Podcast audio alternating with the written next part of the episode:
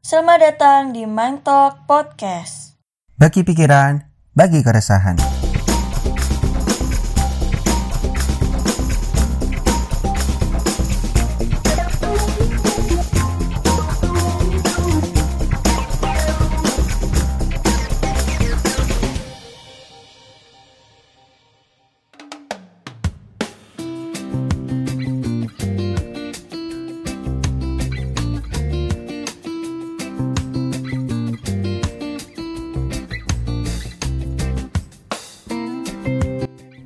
Selamat pagi, siang, sore, malam mengikuti waktu teman-teman masing-masing.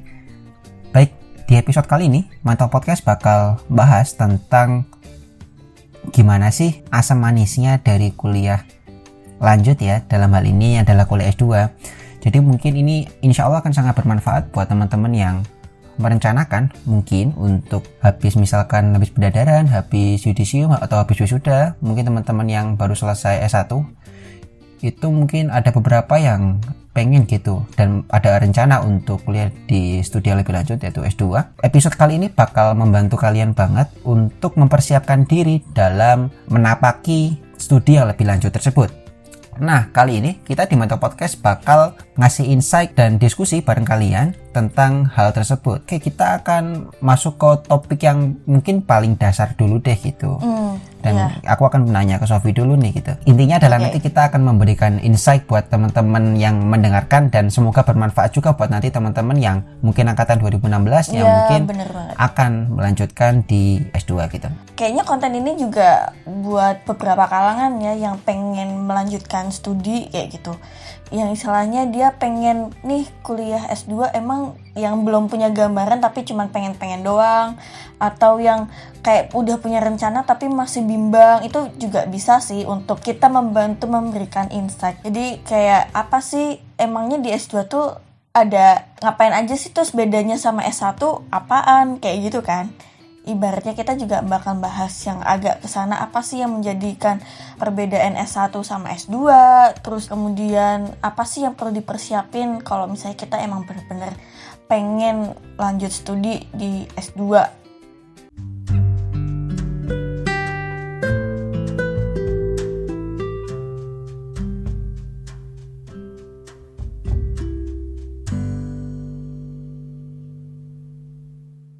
Oke, kita akan masuk ke topik yang pertama, Hmm? yaitu tentang ini yang paling mendasar sih menurutku.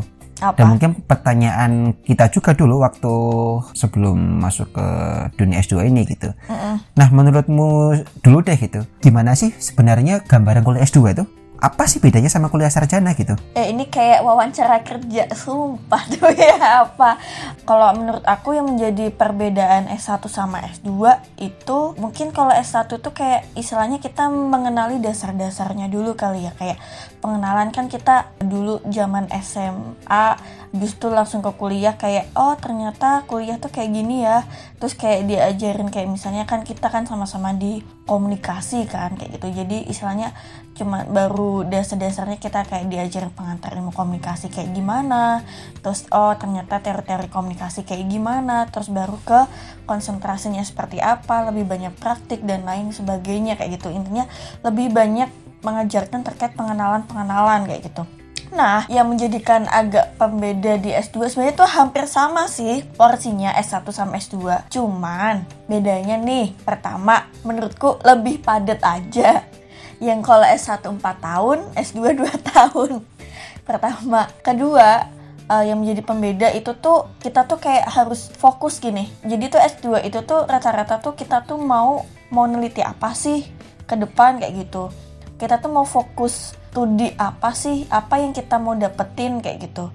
Yang intinya lebih spesifik lah pembelajarannya dibanding apa yang kita ajar, apa kita pelajari di S1 kayak gitu. Terus di S2 ini tuh mungkin concernnya kalau menurut aku ya itu lebih banyak kajian-kajian teoritis kemudian kajian-kajian isu sama mungkin lebih banyak kita ke karya tulis ya. Kan S2 tuh selalu dituntut untuk bagaimana paper paper paper paper dan paper. Tiap mata kuliah paper lagi. Satu mata kuliah lagi paper lagi kayak gitu kan. Mungkin itu yang menjadi agak pembeda walaupun S1 mungkin tugasnya juga paper tapi kayaknya tidak terlalu seimplisit kayak yang di S2 kalau menurut aku. Dan S2 kalau menurut aku goalsnya itu juga ya walaupun S1 bisa melakukan hal itu sih cuman kayaknya S2 ini kalau menurutku lebih banyak melakukan penelitian itu cukup lebih banyak ruang untuk melakukan penelitian kayak gitu sih menurutmu gimana? Oke, okay, aku juga sepakat sih beberapa poin tadi. Cuma aku mau nambahin aja yang jelas kalau yang jadi pembeda paling jelas ya dibandingkan sebelumnya yaitu mm -hmm. model belajar sih kalau menurutku. Jadi kalau dulu kan mungkin di S1 kita lebih ini ya modelnya tuh lebih ke dosen center gitu. Hmm, Jadi iya, kan seakan-akan kayak lebih banyak itu dosen yang menyampaikan ke mahasiswa gitu. Proses sebaliknya tuh mungkin ada tapi tidak seintens seperti sekarang gitu. Nah bedanya di S2 itu kita diajarkan itu menggunakan model namanya student center learning. Mm -hmm. nah, jadi memang suasana di kelas dan kedalaman pembelajaran itu sebenarnya memang tergantung dari mahasiswanya sendiri gitu. Iya, Karena bener, sifatnya ketika S2 dosen itu hanya memancing gitu. Jadi dia bakal memancing dengan isu-isu tertentu gitu dan mm -hmm kemudian nanti mahasiswa diberikan kesempatan untuk saling berdiskusi gitu dan kemudian nanti dosen memberikan tambahan gitu. Jadi memang itu karena modelnya student center learning jadi sebenarnya itu tadi kalau di S1 mungkin sedikit banyak kualitas pembelajaran itu tergantung benar-benar ke dosen di S2 enggak kualitas pembelajaran tergantung dari kedalaman ilmu yang kita mm -hmm. dapatkan. Makanya banyak memang di S2 itu kita dari mata kuliah yang ada, kita memang beberapa itu mewajibkan kita untuk setiap pertemuan itu kita diminta untuk membuat literatur review. Iya, benar. Nah, literatur review itu nanti misalkan ketika di minggu minggu pertama gitu kita akan membahas misalkan tentang konvergensi media tentang pengenalannya seperti itu. Nah, sebelum kuliah itu kita memang ketika di hari kuliah itu kita diminta untuk membuat semacam literatur review sekitar 500 kata itu mengutip beberapa jurnal, buku dan sebagainya yang membahas tentang topik tersebut. Nah, hmm. kemudian itu dikumpulkan ketika hari H atau mungkin H-1 seperti itu tergantung dosen dan nanti harapannya ketika pasca kita membuat literatur review itu bahan literatur review itulah kemudian yang menjadi bahan diskusi ketika kita ke di kelas. Nah, maka itu benar-benar sangat membedakan sih dan itu jujur aja ketika di awal membuat aku agak kaget. Iya, Tapi shock banget ya. Uh, ya, Iya benar. Jadi biasa S1 gitu kan. ya udah kuliah ya asal berangkat kuliah gitu aja kan. Cuma di S2 kan memang sangat berbeda gitu. Jadi itu yang awal buat aku agak shock tapi sedi, seiring berjalannya waktu itu ternyata sangat-sangat bermanfaat gitu karena membiasakan kita untuk menulis, biasakan kita untuk baca lebih banyak dan membiasakan kita buat ya tahan terhadap proses-proses literasi semacam itu. Iya, itu sih menurutku. Iya, aku sepakat sih yang jadi kunci poinnya di S1 dan S2 apalagi di S2 sih menurut aku dosen itu jadi fasilitator gitu. Dia bukan sebagai yang ngasih kita harus duduk diem dengerin terus kelar udah itu enggak kayak gitu. Jadi S2 emang kita tuh lebih banyak aktif forum diskusinya lebih banyak terus forum open mindednya tuh juga makin lebar sama satu sama lain silahkan menyanggah antar satu dengan yang lain saling mengkritisi kayak gitu kan. Intinya lebih kritis juga ya nggak sih? Terus juga aku yeah. juga lihat bahwasanya yang penting itu adalah kita tuh pinter-pinternya nulis pandai-pandai lah menulis dan banyak-banyak lah baca buku. Walaupun sebenarnya ini masih jadi PR besar sih buat aku untuk sering baca buku terkait ah kadang aku aduh males banget nih.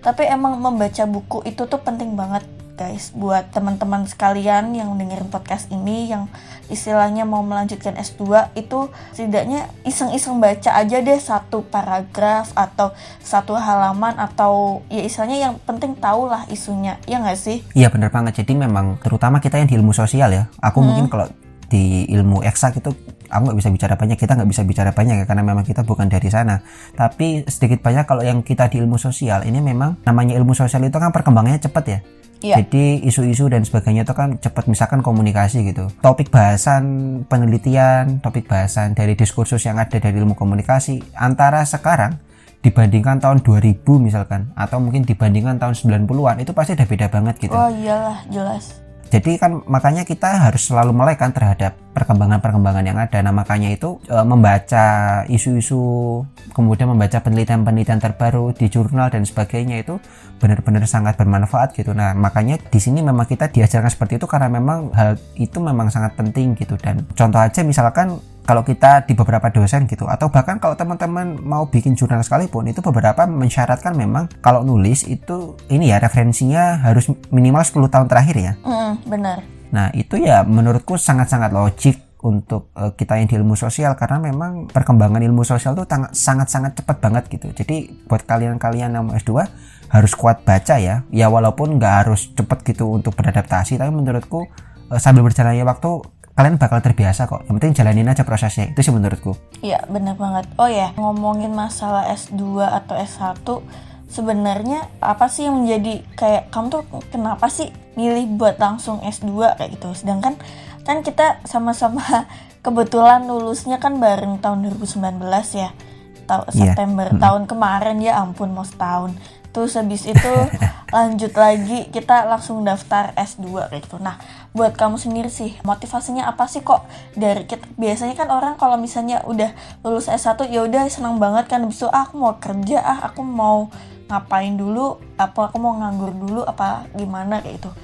Kalau menurut kamu sendiri kok kamu mau gitu buat langsung lanjut studi S2 apa sih yang jadi motivasi kamu pengen langsung lanjut S2 iya jadi kalau jujurnya ya memang apa karena memang didorong orang tua kan. Jadi dari awal memang didorong untuk lanjut gitu. Makanya ya memang diusahakan gitu. Terus yang tapi setelah menjalani ke sini gitu jadi nggak tahu kenapa memang kayak ngerasa ilmu ketika S1 itu kurang gitu. Jadi kayak pengen buat cari tahu lebih cari tahunya lebih dan sebagainya gitu. Jadi kayak ya tadi itu terutama kan namanya S2 itu kan memperdalam ilmu ya kalau oh. kita yang linear gitu kan kayak misalkan ketika S1 di komunikasi gitu itu mungkin kita udah ngerasa belajar 4 tahun gitu. Tapi ke, ternyata ketika kita belajar lebih dalam belajar lebih dalam itu kita makin spesifik makin spesifik makin ngerasa banyak yang belum kita tahu gitu. Kan prinsipnya gitu ya namanya kita studi itu kan semakin tinggi studi bukan sebenarnya semakin luas gitu tapi kan semakin sempit gitu. Kayak misalkan ketika S1 kita belajar komunikasi secara umum gitu. Atau mungkin lebih spesifik lagi misalkan kita di awal-awal kuliah itu kan kita diajarin komunikasi semua gitu kan dari dasar dan sebagainya. Makin semesternya nambah itu kan kita ini ya makin menjurus makin menjurus sampai akhirnya kita masuk konsentrasi kan. Iya bener Nah, begitupun prinsipnya di S2 kan kita makin mengerucut gitu. Nah, aku tuh waktu itu ngerasa apa ya? Ngerasa ilmuku belum spesifik gitu dan belum terlalu mendalam gitu. Dan makin ke sini makin ke sini memang ketika udah jalan S2 gitu aku ngerasa kemampuanku menulis kemampuanku untuk membaca itu benar-benar terupgrade di situ gitu. Jadi kayak ya dia itu menurutku poinnya penting sih gitu. Dan memang makin ke sini makin ke sini ya ada pengen juga jadi dosen sih. Jadi kayak ya menurutku jadi penting. Tapi tapi terlepas dari itu menurutku itu sih yang benar-benar kerasa kayak proses-proses kita uh, menulis dan ya? sebagainya uh, kedalaman ilmu terus yang paling kerasa banget itu menulis dan apa namanya membaca dan sebagainya itu itu benar-benar terupgrade di sini gitu jadi aku ngerasa nggak sia-sia sih dan ngerasa Oke, okay, ini aku menikmati sih proses-proses ini ya walaupun memang di awal kalau belum terbiasa bakal ngerasa berat. iya, aku di awal juga ngeluh terus gitu. Tapi makin ke sini makin ke sini ternyata fun kok gitu setelah kita apa jalani uh, aja dulu prosesnya. ya kan? Uh, ya kalau kamu gimana emang? Apa sih yang bikin kamu kok pada akhirnya ini? Kenapa nggak mau misalkan apalagi kan kamu kontesnya udah kerja ya gitu? Nah itu kan pertanyaannya. Oh ya oke. Okay. jadi ada alasan yang mm, bisa bilang agak konyol sih sama alasan yang emang benar-benar serius.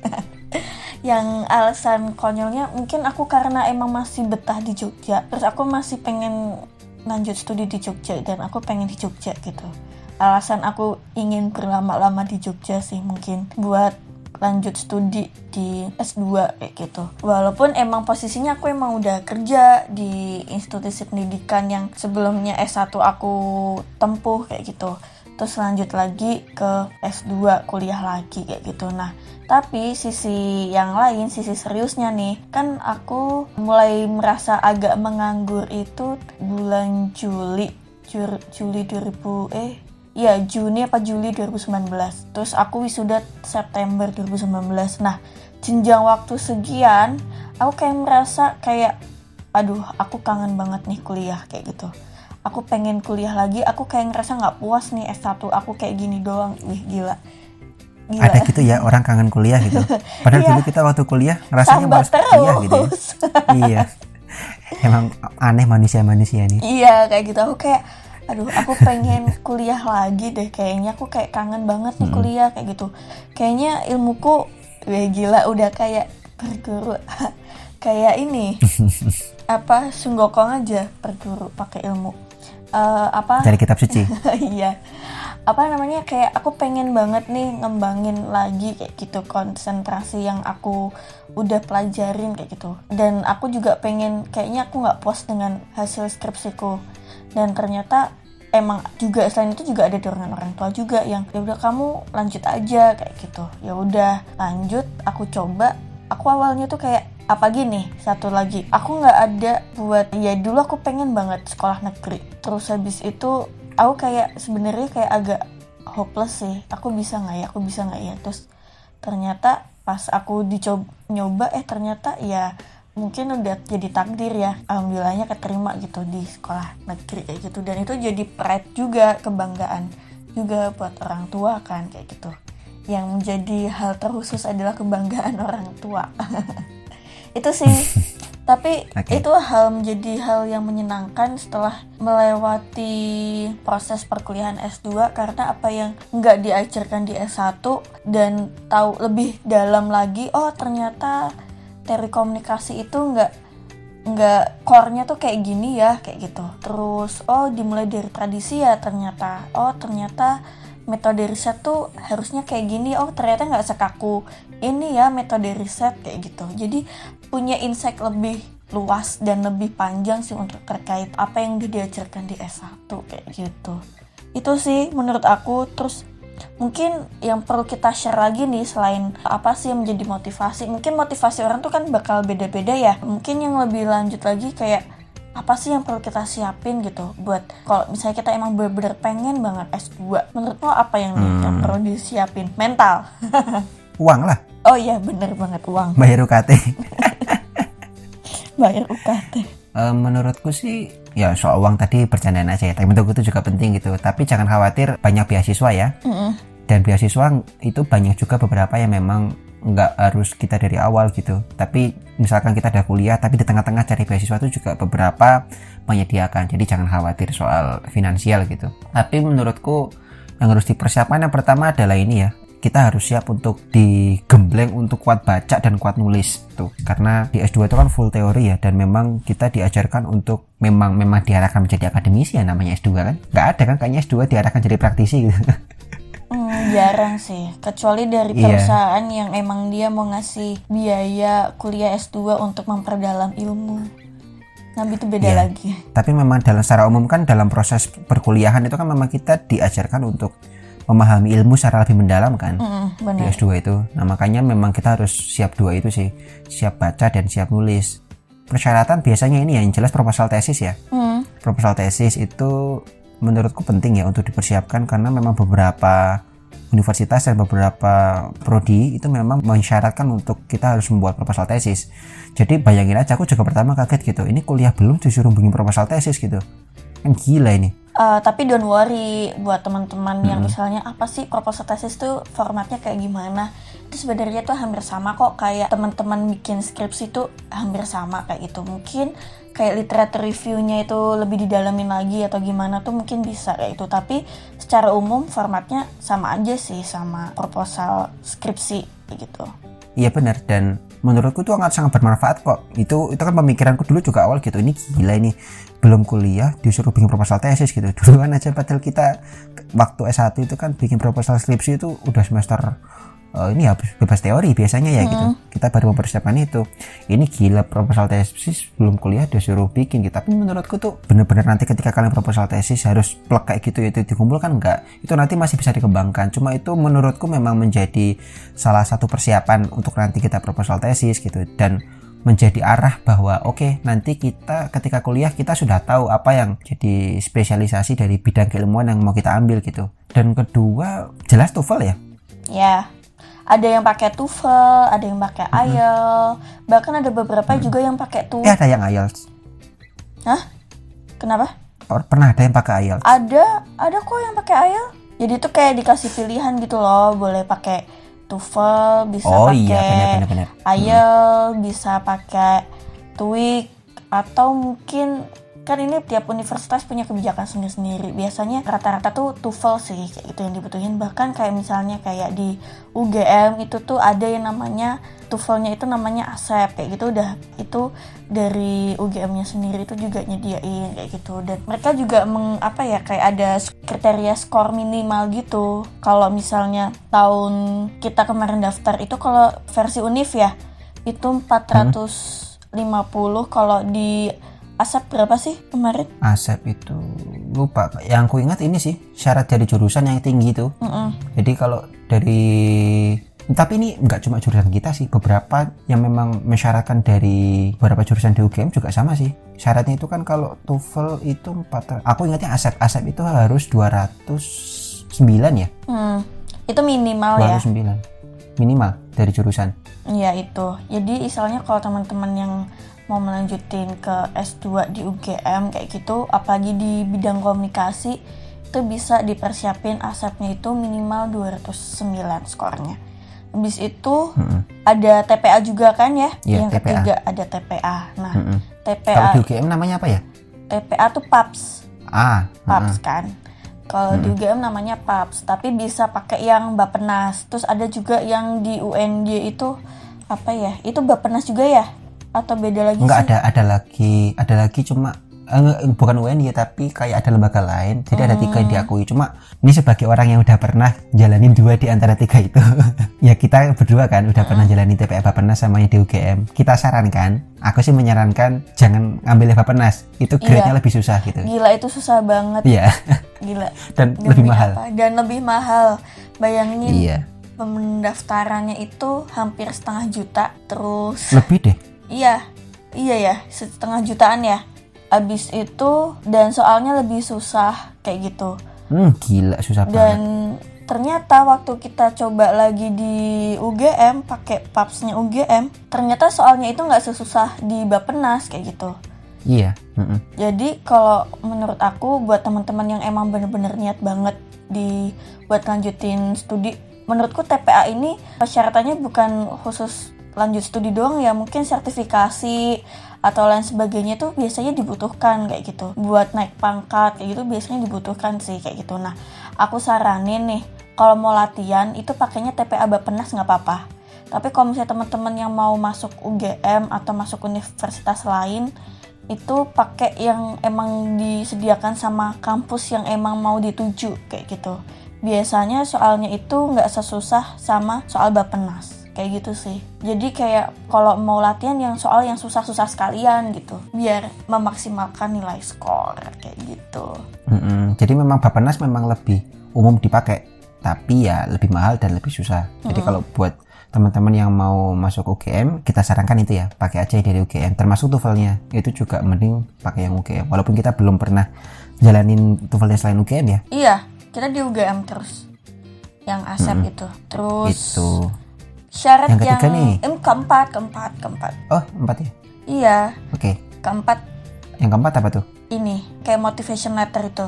Mm Iya benar. Tapi namanya apa ya? Aduh, aku lupa juga. Intinya modelnya kayak Tapi motivation itu. letter, iya. Heeh.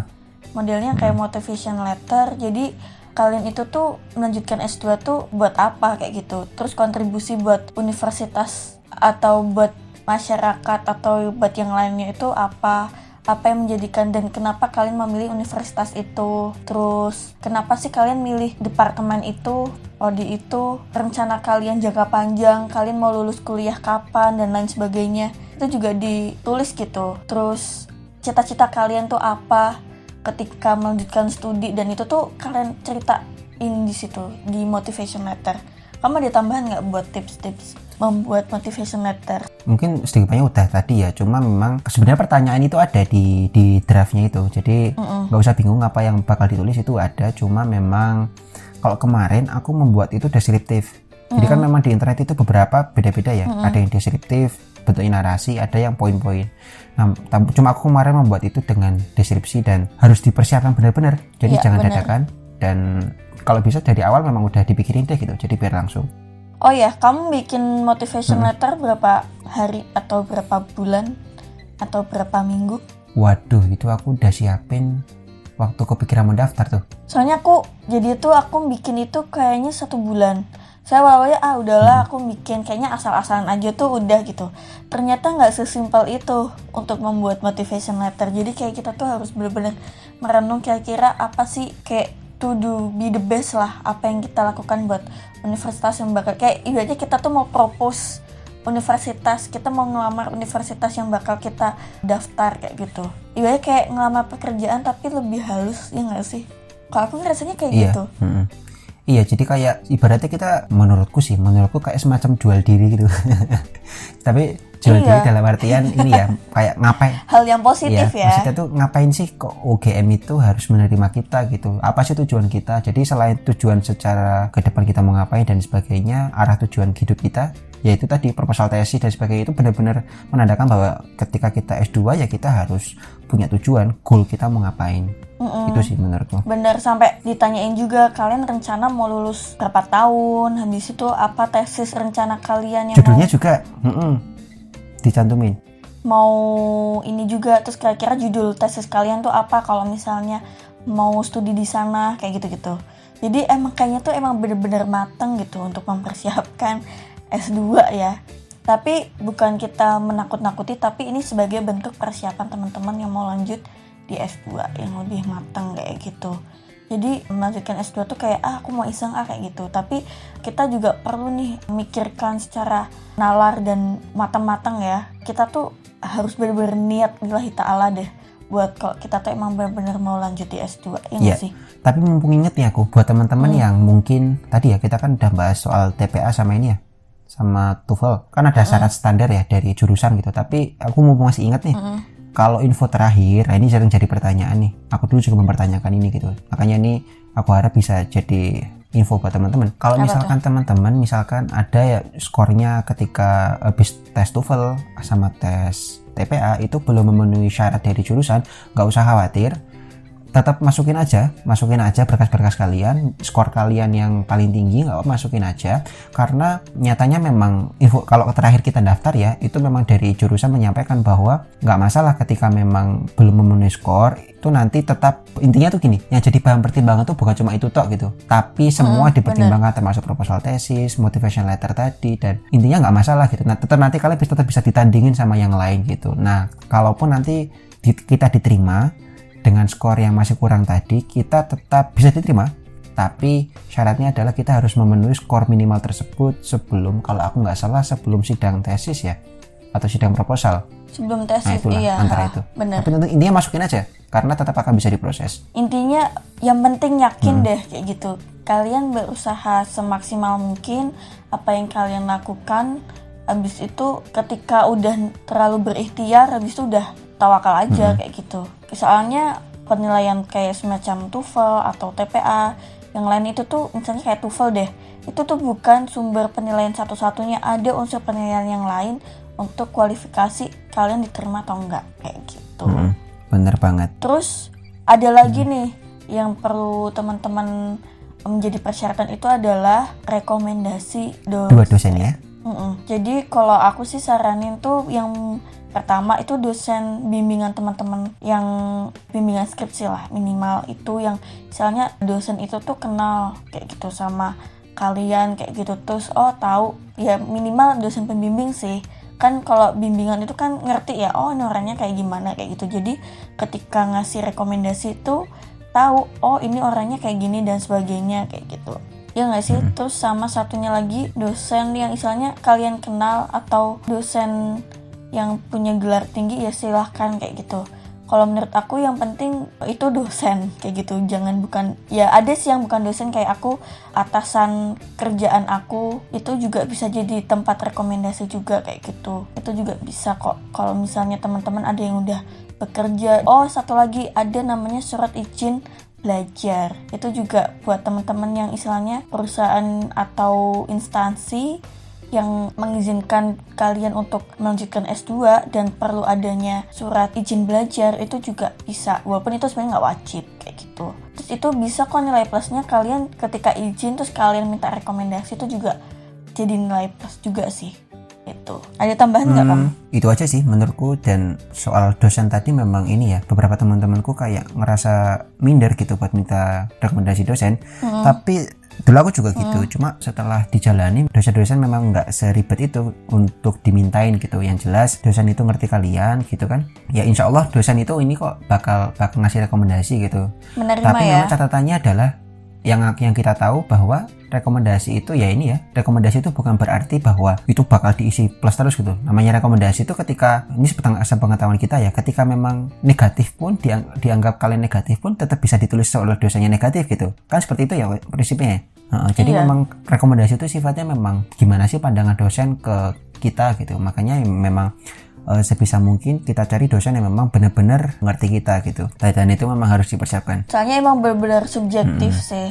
Ya nggak sih subjektif banget. Dan mungkin ada persyaratan yang lainnya ya karena tiap univ itu punya persyaratan yang eh, beda-beda. Tapi rata-rata yang kita udah sebutin ini tuh adalah hal yang umum, iya umum banget kayak gitu. Dan rata-rata tiap universitas tuh persyaratannya tuh kurang lebih sama lah sama apa yang kita paling ya ini sebutin. sih yang yang True. yang beda itu paling kayak misalkan ada beberapa yang nggak pakai proposal tesis tapi pakai wawancara paling gitu-gitu aja sih Mm-mm. ya beberapa uh, atau uh, pakai essay. esai kayak Cum- gitu kan. Cuma pas sel- selain ini ini ya ada beberapa syarat yang sifatnya dokumen gitu. Tapi nggak ribet nggak nggak ya, ya lumayan ribet kalau kita mepet. Tapi maksudnya kayak beberapa dokumen yang sifatnya ringan menurutku kayak misalkan surat sehat gitu-gitu kan. Surat sehat dari klinik habis itu apa ya kayak ijazah dan sebagainya. Itu sih menurutku. Tapi itu memang nggak susah tapi harus dipersiapkan jauh-jauh hari supaya kita nggak kelabakan.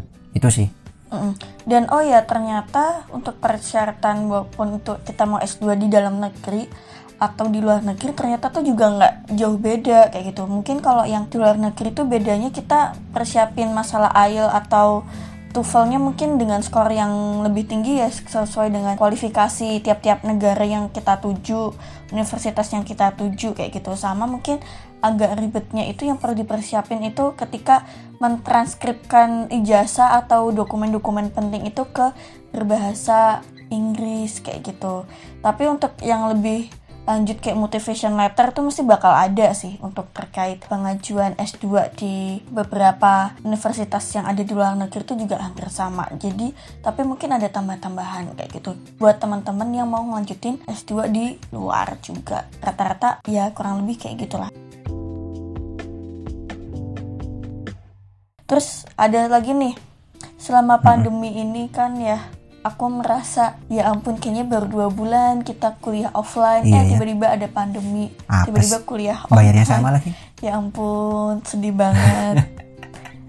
Dan sampai sekarang masih online kayak gitu, walaupun sekarang kita libur ya. Eh, apa sih yang menjadi apa ya? Kalau menurut aku sih ini sedih banget sih kalau aku yang awalnya aku merasa aku yang jadi privilege ketika aku S2 apalagi ketika kuliah tatap muka itu adalah have fun sama teman-teman kita bisa nongkrong di perpus terus kita bisa discuss langsung terus kita discuss tatap muka sama teman sama dosen terus apa ya itu tuh hal yang menyenangkan menurut aku. Dan kalau misalnya kita cari referensi buku tuh kalau misalnya nggak ada di jurnal di internet tuh kita bisa ke perpus ke buku langsung yang cari buku-buku yang sesuai gitu yang kita tuh nggak usah pusing kayak gitu. Eh tapi menurut aku ya pandemi ini tuh banyak banget noise-nya banyak banget gangguannya. Kayak misalnya kadang waktu kuliah online kayak gitu tuh kadang tuh nggak konsen banget. Habis itu kadang apa sinyalnya ada yang jelek terus kadang tuh malah lebih yang awalnya nih satu setengah jam malah jadi dipercepat satu jam kayak gitu. Dan menurut aku ya aku mengeluhkan kayak aku kayak bukan S2 kayak gitu Hmm, menurutku ini ya, aku sih eh, yang agak disayangkan adalah proses interaksi ke dosen-dosen baru ya. Karena kan kita kan beda ini ya, satu sama Hmm. S2 kan beda beda kampus gitu. Aku tuh pengennya memang ini loh, yang mahal itu kan sebenarnya ini ya, kayak relasi kita ke dosen gitu kan. Nah itu juga menurutku mahal gitu. Hmm. Apalagi kan eh, contoh misalkan di UGM di jurusan kita itu kan beberapa memang ini ya bisa dikatakan memang jam terbangnya tinggi-tinggi gitu. Dan itu sih sebenarnya aku yang agak sesalkan. Jadi kayak aku tuh pengen bangun relasi atau mungkin belajar lebih banyak secara intensif nggak cuma di kelas gitu. Intensif ya. tapi ada beberapa yang mungkin aku pengen diskusi gitu kan. Itu kayak agak terhalangi karena semua proses dilakukan secara online gitu. Jadi kayak ya namanya online kan kita nggak bisa membangun hubungan interpersonal ya sama, sama ya bisa mungkin tapi kan tidak seleluasa ketika kita tatap muka gitu. Itu sih yang aku agak disayangkan. Terus ya yang jelas karena kemarin dadakan ya dadakan ada wabah gitu kan dan dadakan harus semua online jadi kayak beberapa memang nggak terlalu maksimal gitu. Kayak misalkan beberapa memang kuliah cuma lewat WhatsApp gitu kan WhatsApp grup kemudian proses kan ada beberapa memang ada tugas kelompok gitu tapi itu kan kita nggak bisa ketemu gitu karena pandemi. Jadi ya agak-agak susah di situ. Itu sih jadi kayak proses kita diskusi sama teman-teman juga agak berkurang karena kita nggak bisa tetap muka. Itu menurutku sih. Iya jadi susah banget kayak ya bayangin aja dong ke kerja kelompok online. Dan itu tuh jadi kayak forum diskusnya tuh juga terhambat juga kan yang biasanya kita harusnya ngomong cablak tatap muka langsung tuh kayak aduh hmm. susah banget kayak gitu kayak ah kamu ngomong apa? Kayak gitu. Kayak banyak noise-nya terus banyak miss missnya juga. Ya banyak yang nggak paham juga kadang kayak gitu. Dan aku kayak apa ya pengen mengulang apa yang aku lakukan yang kemarin selama online selama offline? aku ulangin lagi gitu. Tapi kan uh. impossible ya enggak yang sama kuliah online kemarin oh, aku okay, lakukan okay. secara on hmm offline hmm. untuk diulang lagi kayak gitu loh. Karena aku merasa kurang puas tapi kan itu agak impossible juga sih kayak gitu. Kalau misalnya ya, pengen juga, lulus cepat kadang juga kangen gitu rasanya kedinginan di kelas gitu kan. AC-nya ke apa AC-nya suhunya kekecilan itu ya hal seperti itu kayak iya lagi ada pandemi gitu kan. Sangat disayangkan ya, apalagi bayarnya sama, bayarnya sama lagi. Hmm. ya gitu deh ya yang kita harapkan tuh ya oh iya satu lagi yang disayangkan dan kerasa kita, banget kita satu apa? semester jatahnya enam bulan jadi cuma empat bulan apa? itu pusing tuh oke okay. iya bener banget dan misalnya nih kita punya jatah berapa pertemuan ya misalnya 12 hmm. atau eh 10 ya jadi 5 atau oh, intinya dipersingkat gitu. Dan misalnya satu pertemuan itu yang harusnya satu hari satu pertemuan jadi satu hari dua pertemuan dipadatkan kayak gitu-gitu. Ya intinya pemadatan waktu pemangkasan waktu yang membuat pembelajaran kurang maksimal. Tapi ya gimana lagi kan? Biasanya masalahnya ada di jaringan internet kemudian ada yang kuotanya habis gampang habis karena emang boros kuota atau mungkin daerahnya yang susah sinyal atau susah wifi nggak punya wifi kayak gitu-gitu. Yang itu menjadi apa ya problematika ketika pembela sistem pembelajaran selama pandemi ini sih. Mungkin terkait sistem pembelajaran pandemi ini tuh nggak cuma dirasakan buat anak-anak kuliah tapi juga dirasakan oleh semua orang yang melakukan pembelajaran. Baik itu dari TK, SD, SMP, SMA bahkan kuliah S1 itu juga mereka mengalami hal yang sama kayak gitu. Makanya kayak kita mau nggak mau harus beretikat untuk bagaimana tetap disiplin protokol kesehatan dan mengupayakan gimana caranya berkontribusi untuk menurunkan kasus iya. pandemi ya, ini. mm -hmm. ya nggak sih? Ya jadi Kangen logikanya sederhana aja sih. Wong kita aja yang di universitas susahnya kayak gini apalagi yang di SD gitu kan. Nah itu nggak kebayang mm -hmm. sih iya. kasian juga. Ya jadi curhat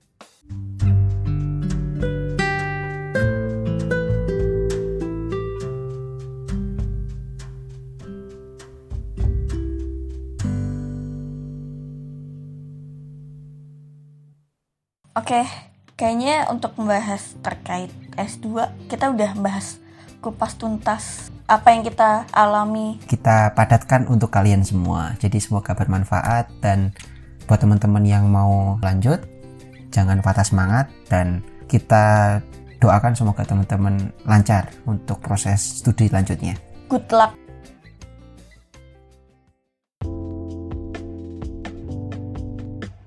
Terima kasih ya sudah mendengarkan Mentor Podcast. Sampai jumpa di episode selanjutnya ya.